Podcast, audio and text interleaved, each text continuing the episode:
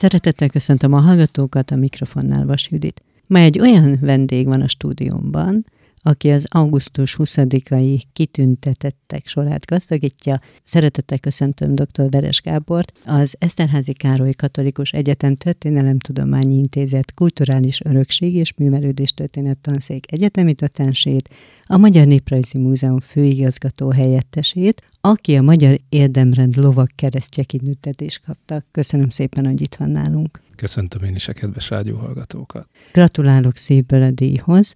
Nagyon köszönöm. Mennyire lepte meg önt a jelölés és a kitüntetés?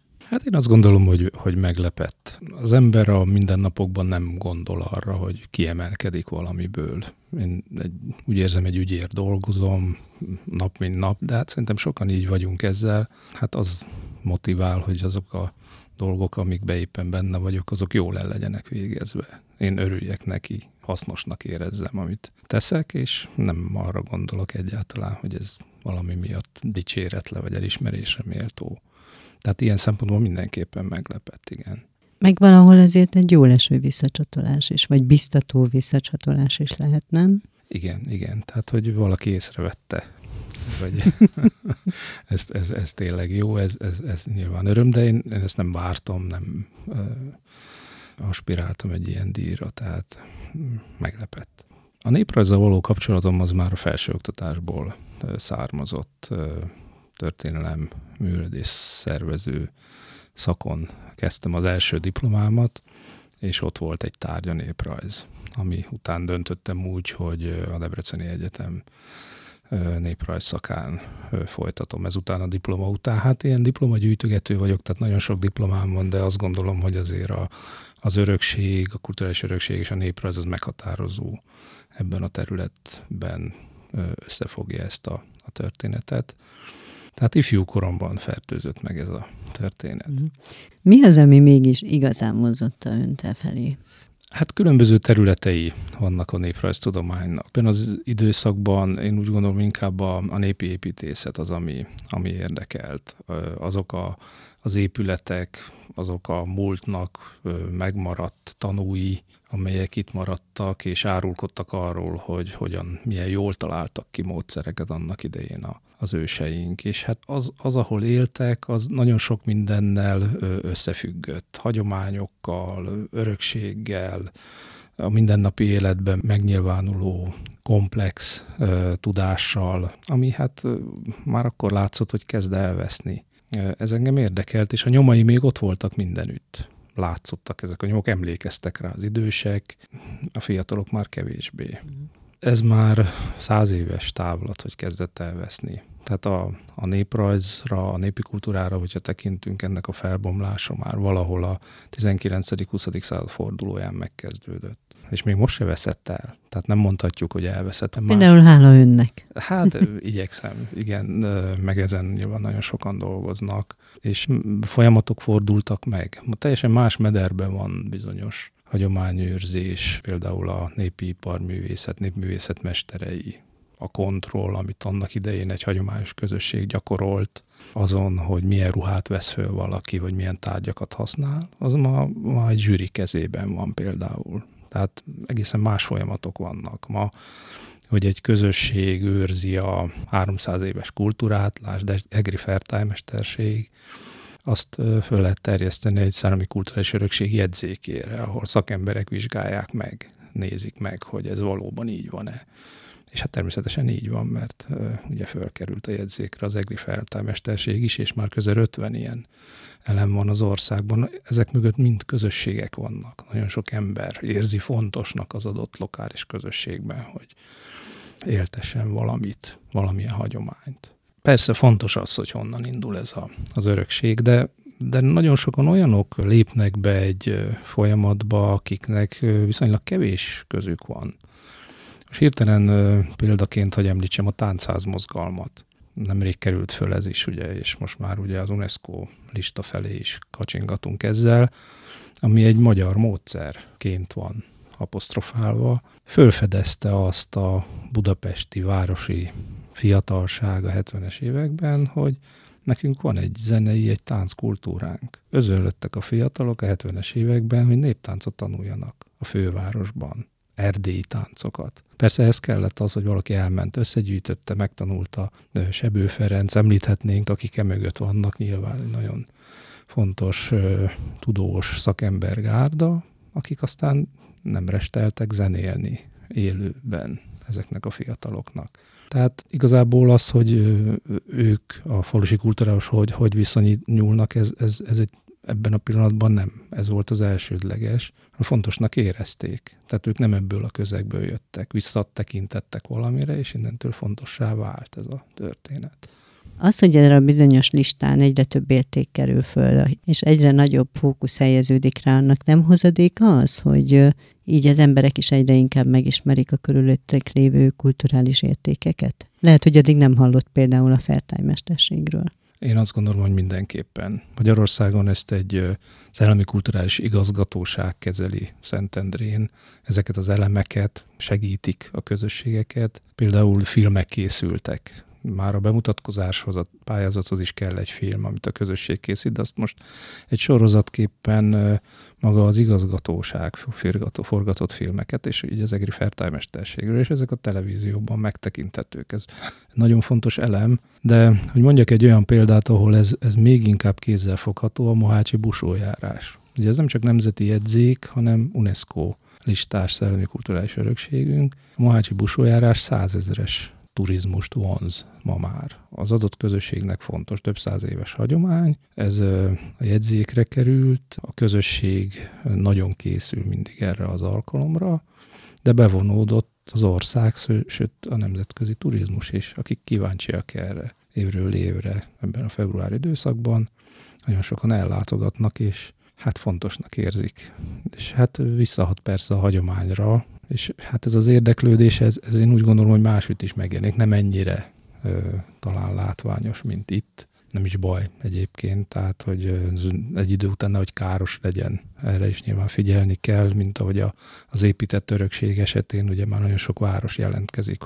Velence, Barcelona sorolhatnánk, hogy köszönjük, de most már ez olyan mértékű ez a turizmus, amit a mi épített örökségünk vonz, hogy, hogy már mi nem bírunk vele, tehát nem biztos, hogy idáig el kell, hogy ez eddig jusson, de a figyelem az valóban fontos, motiváló, fenntartó erő lehet. Kulturális örökségnél az épített örökség, a tárgyi örökség, a szellemi örökség, hogyha a főbb kategóriát itt nézzük, az én életem az, az azért a múzeumokhoz kötődik. Tehát mondhatom azt, hogy a tárgyi örökség nyilván talán a legfontosabb, de a tárgyak nem léteznek a másik két dolog, és hát különösen a szellemi örökség nélkül. Valamilyen kontextusban használták azokat a régi tárgyakat, amelyek ma a múzeumokban vannak. És a múzeum attól több egy régiségvásárnál, mondjuk, hogyha itt kivegyünk a bazilika környékére, hogy az ott lévő tárgyakról azért nem tudjuk azt, hogy nagy részéről, hogy mi volt ennek a tárgynak a története, az élete, az előélete, hogy a tudomány van erre csúnya latin szó, és most ezt nem fogom mondani.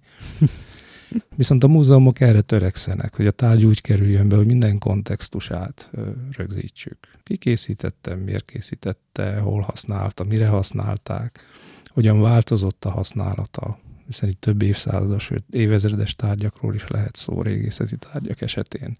Tehát ez teszi forrásértékűvé a múzeumot, hogy ott a tárgyak mellett ott van egy nagyon sok rétű, több korszakból származó információ a tárgy mellett, amivel a múltba egy kicsit be tudunk pillantani. A mai múzeumnak teljesen másképp kell funkcionálnia, mint mondjuk 30, de lehet, hogy még talán 20 évvel ezelőtt is. A Magyar Néprajzi Múzeum miben innovatív, vagy miben törekszik arra, hogy például a fiatalokat is bevonza a múzeumba? Hát a Néprajzi Múzeum az ma Magyarországon egy teljesen új történet, ugye nincs egy jó éve, hogy megnyitotta kapuit. És gyönyörű. És, és persze hatalmas is. Egy teljesen új megközelítési módban, egy új elképzelésrendszerben, ami hát Nyugat-Európában, hogy nem mondjam az Észak-Atlanti térséget, de a világ más részeit is mondhatom, már nagyon régen jelen van. Ugye a múzeum a szabadidő, kulturált ismeret befogadással is egybekötött eltöltésének egy módja, az, hogy múzeumba járjunk. Nem ördögtől való az, hogyha abban a múzeumban nagyon sok kiállítás van, abban a múzeumban esetleg, hogy jól érezze magát valaki, és hosszú időt eltöltsön, van egy étterem, esetleg könyvesbolt, tehát egy komplex kínálat, ami itt megjelenik. Ahogy most, mostanában divatosan szokták mondani, közösségi téré kell, hogy váljon. Így van, így van. Tehát az emberek nagyon sok minden miatt mehetnek el a, a múzeumba. A kiállításokhoz nagyon sokféle program kapcsolódik, különböző korosztályoknak, érdeklődési területű embereknek. Össze lehet kapcsolni a múzeummal a színházat, a zenét, és hát itt a, a, a Néprajzi Múzeumban ez mind jelen van. Törekszünk erre, hogy jelen legyen. Persze nagyon sok a feladat, mert a Néprajzi Múzeum mit hagyott most maga mögött az elmúlt három, három évben, több mint három évben egy, egy költözést. Magyarországon az egyik legnagyobb költözés volt, darabszámát tekintve, és hát a módját tekintve is egy különleges dolog. Ugye minden tárgy QR kóddal költözött. Tehát egy informatikai rendszer követte azt, hogy hol van az a tárgy, melyik dobozban, melyik csomagban, szállítják éppen, már elért valahova. Tehát, és hát ennek az előkészülete is ugye egy nagyon hosszas folyamat volt, de nagyon sikeresen befejeződött. Voltak olyan költözések, nem mondok példákat, nem Magyarországon, ahol a múzeum költöztetésénél a 10%-a megsemmisült a tárgyaknak. Tehát ezt nagyon végig kellett gondolni, hogy hogy lehet egy például hímes tojás gyűjteményt, van egy majdnem 5000 darabos kollekciója a Néprajzi Múzeumnak, ezek kifújt esetenként több száz éves darabok törésmentese, hogy lehet ezt elköltöztetni. Sikerült. Én ugye itt Egerben kezdtem a múzeumban dolgozni, ez egy nagyon jó helyszín volt, ugye több gyűjteménnyel, kibontakozó programsorozattal, és aztán ugye az EGRI Egyetem, ahol már 2001 óta már nehéz kiszámolni, és ez már 22 év lassan, hogy, hogy oktatok. Ez a feladat úgy megtalált, tehát ez egy olyan helyzet volt, amikor az ember eldönthette azt, hogy egy újnak az építésében, egy új létrehozásában, a költözés után ugye ez jött, fölépült egy teljesen új épület, és ebben most a működést kell végig gondolni. Egy új állandó kiállítás épül, új, izgalmas, nemzetközi szinten is izgalmas kiállítások jönnek, most Brazíliából, Koreából az ős során, és hát nyilván ez a sor folytatódik, ez egy nagy kihívás is, és persze egy nagyon érdekes dolog, mm. és kicsit nyilván meg is koronázza azt, amivel eddig foglalkoztam. Szóval ez egy megtiszteltetés is lehet. Igen, én is úgy érzem.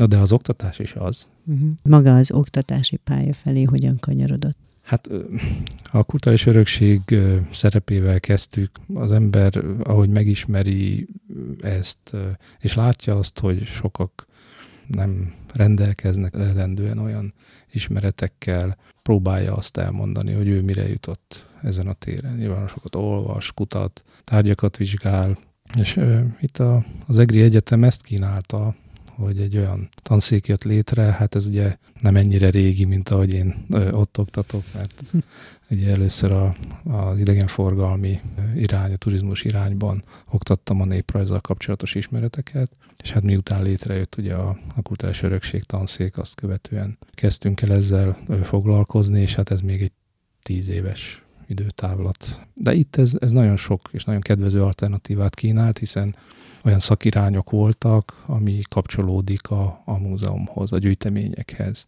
Olyan tárgyak voltak, amelyek arról szólnak, hogy ezekkel a gyűjteményekkel mit lehet kezdeni, hogy kell ezekkel bánni, és hogy lehet őket használni, hasznosítani, hogy ez akár a társadalomnak úgy is hasznossá váljon, hogy az említett idegenforgalomba, és ezeknek nagyon fontos szerepük van, vonzerő, ahogy ezt a másik oldalról, a turizmus oldaláról mondják. Mm. És ez így is van rendjén. Az a jó, hogyha érdeklődnek. Az emberek minél szélesebb körben érdeklődnek. Nem mindenkit érdekel a tárgy története az elejétől fogva. De vannak olyan epizódjai, amik érdeklik ebből. Ezt kell megtalálni, kitalálni, hogy ez mi az, ami, ami, ami elérhet mindenkihez. Átlagember nincs, nyilván ezt nem akartam mondani ezt a szót, de aki tényleg csak jól akarja érezni magát a múzeumban, és az is, aki kutatni akarja. Tehát itt különböző szintekre lehet információt, érdekes információt eljuttatni. Itt nyilván BA-s, MA-s szakos oktatás, és hát a doktori oktatásba is belekóstoltam a doktoristoláton keresztül. Hát a mesterszakosoknál nyilván ott már olyan hallgatóink is vannak itt az EGRI Egyetemen, különösen a levelezők között, akik dolgoznak egy intézményben. Tehát a tudásokat fejleszteni hozzák, vagy jönnek el hozzánk. Sok esetben vezető állásban vannak egy-egy jelentős magyar kulturális intézményben és hát nekik is fontos az, hogy bővítsék a, az ismereteiket. Teljesen különböző a motiváció. Egy, ugye egy alapszakos ismerkedik a világgal, egy alapszakos nappali tagozatos hallgató nyilván azt várja el, hogy bevezessen, vagy erősítsen azt a tudást, ami neki megvan. Egy mesterszakos hallgatónál ez már mélyebben szükségeltetik. Egerben melyek azok a kulturális értékek, vagy mely az a kulturális érték, ha csak egy van, amire ön akár turisztikai szempontból még nagyobb fókuszt helyezne, tehát úgy gondolja, hogy ebben több vonzerő van, mint, mint amit megkap. Igen, nagyon szerencsés helyzetben van, hiszen az épített örökségét, a szellemi örökségét már nagyon régóta kutatják, fölfedezték. A műemléképületek száma országos viszonylatban is kiemelkedő, hogyha az épített örökséget nézzük, de az szellemi örökséggel kapcsolatban is hasonlókat mondhatunk el. Ezzel csak azt akarom mondani, hogy igazából egy nagyon gazdag tárház áll rendelkezésre, levéltárban, múzeumban, amivel azokat az értékeket, azokat a vonzerőket, amiket ma magáénak vall a város, azt lehet bővíteni, finomítani, finomhangolni, nagyon sok lehetőség van még. Hogy, hogy mire helyezném a hangsúlyt, ez nagyon nehéz kérdés. Itt mert hogy egy turisztikai szempontból már a másik oldal is fontos, hogy az embereket vajon mi érdekelni, és mi van jelen a piacon. Tehát nem olyan egyszerű a dolog, hogy én mit tolnék elében, de látom, hogy most is nagyon sok cikk jelenik meg. Például ugye az etnográfiának is a szerkesztője vagyok, ez a folyóirat, ugye a múlt századtól folyamatosan megjelenik a néprajztudománynak a legjelentősebb folyóirata, és abban is most jelenik meg a szüretről újra, az egri szüretről egy tanulmány. Tehát még mindig lehet újakat is találni, új dolgokat is találni, vagy éppen végig tekinteni folyamatokat, hogy a múltból hogyan jutott el a jelenig, és mi jellemzi ma, hogyan alakult át, mit őriz a múltból ez a, ez a jelenség. Nagyon izgalmas volt ezt a cikket például olvasni, mert ugye feleleveníti a régi egri szüreteket, milyen elemek voltak, hogyan zajlott a felvonulás, milyen szereplők vettek ebben részt, és hogy zajlik ma a szüret. Tegyük fel a kérdést, és akarunk ezzel ezen változtatni, vagy, vagy visszanyúlni a múltba, vagy új elemeket behozni.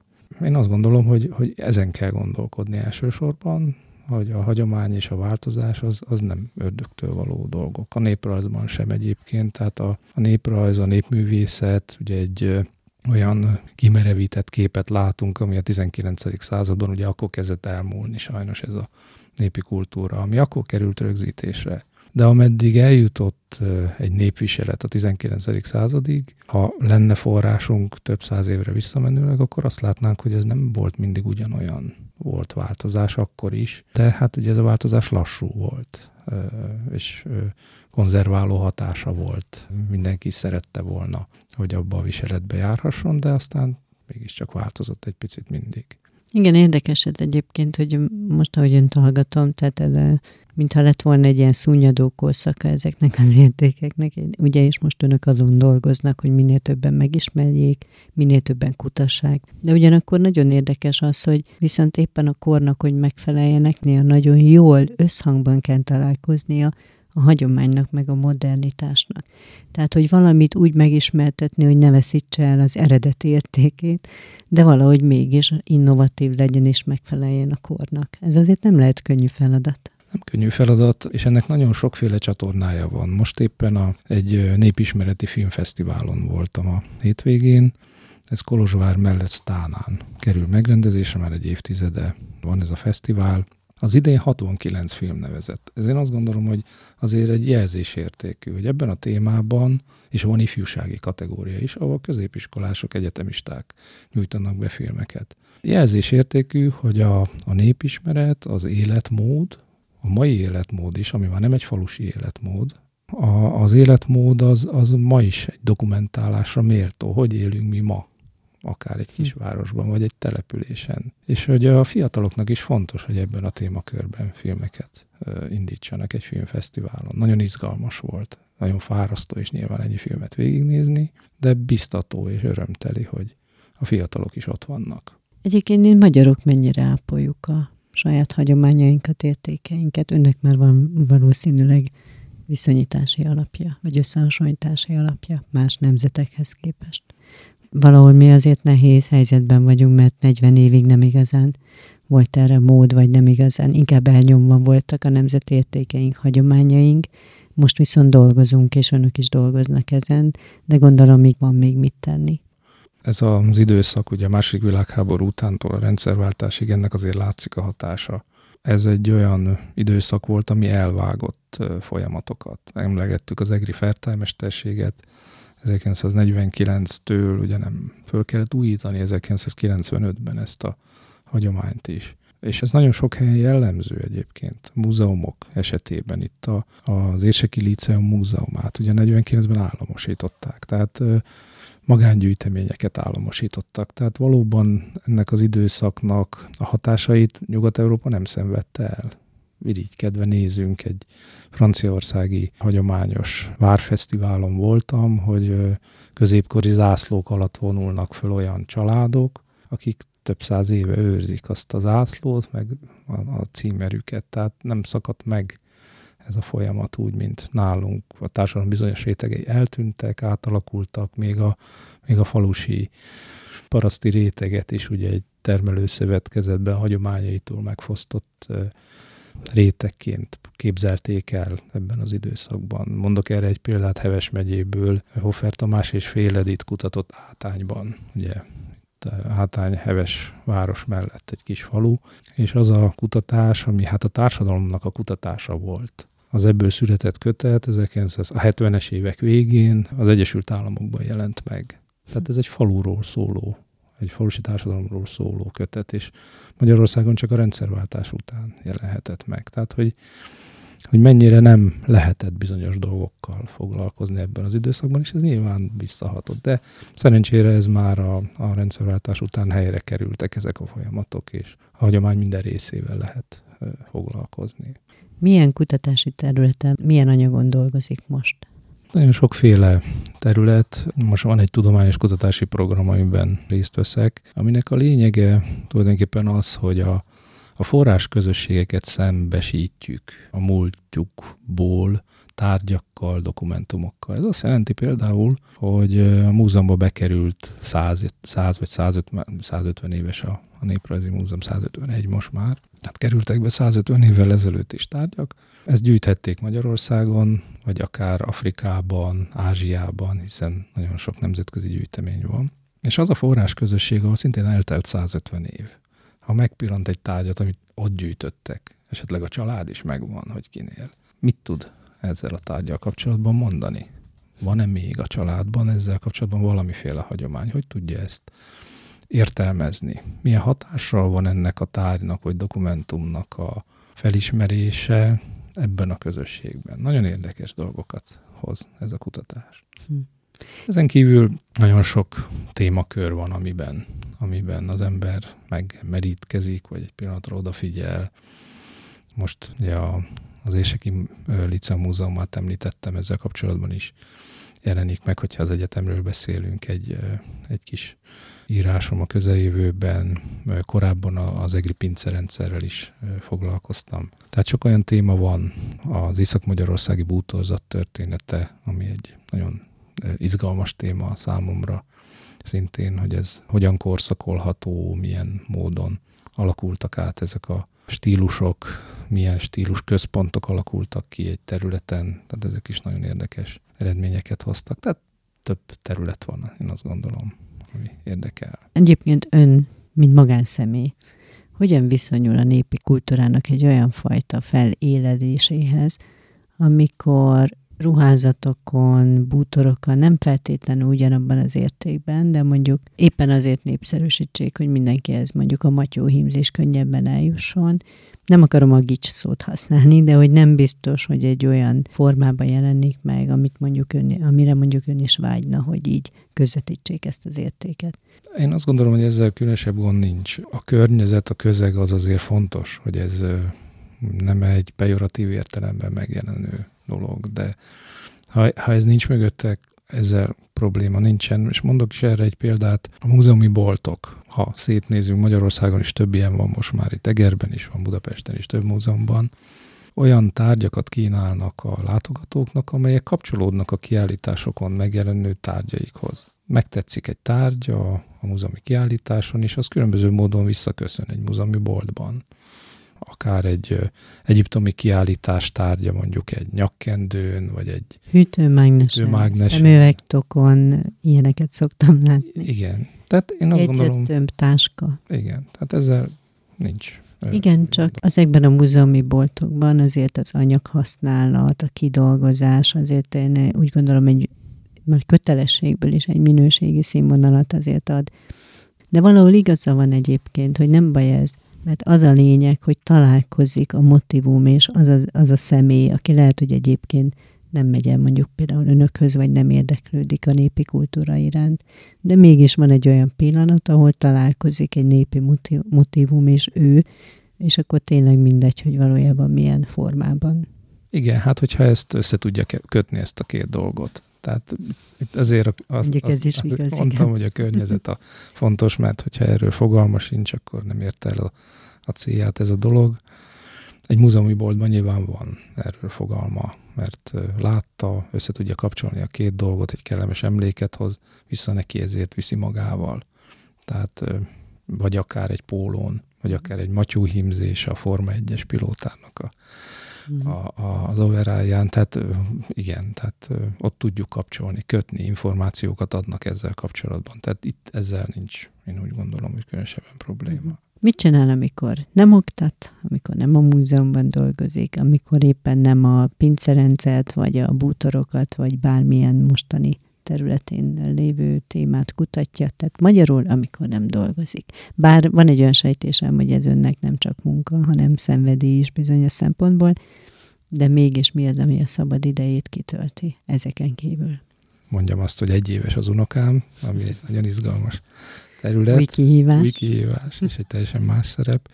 És hát persze a kert is nagyon izgat. Ezek úgy, úgy kikapcsolnak, és hát persze a túrázás, a természet az, ami ami hát ugye talán a társadalomtól, amivel foglalkozok, kicsit messzebb van, de ezek is nagyon kellemes dolgok, de hát valóban sokszor a, a túra vagy a, a kirándulás is azzal kapcsolódik össze, hogy megnézzek olyan helyeket. Ami, Pedig pont ezt akartam kérdezni, hogy el tud menni valahová, ahol nem ilyen szemmel néz szét, de ezek szerint ez, ez már, erre mondják szerintem, hogy szakmai Igen, ez így van. Hát szívből gratulálok a díjhoz még egyszer. Köszönöm szépen, hogy itt voltálunk. Én is köszönöm. Kedves hallgatóink, köszönöm szépen a figyelmet. Önök dr. Veres Gábort és Vas Juditot hallották. Legyen szép napjuk, viszont hallásra!